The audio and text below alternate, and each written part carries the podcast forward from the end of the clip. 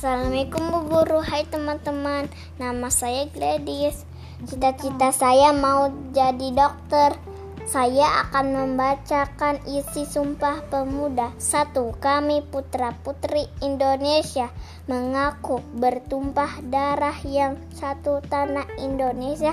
Kami Dua, kami putra-putri Indonesia mengaku berbangsa yang satu bangsa Indonesia. Tiga, kami kami putra dan putri Indonesia menjunjung bahasa persatuan bahasa Indonesia. Semangat belajar teman-teman, jaga kesehatan, kesehatan.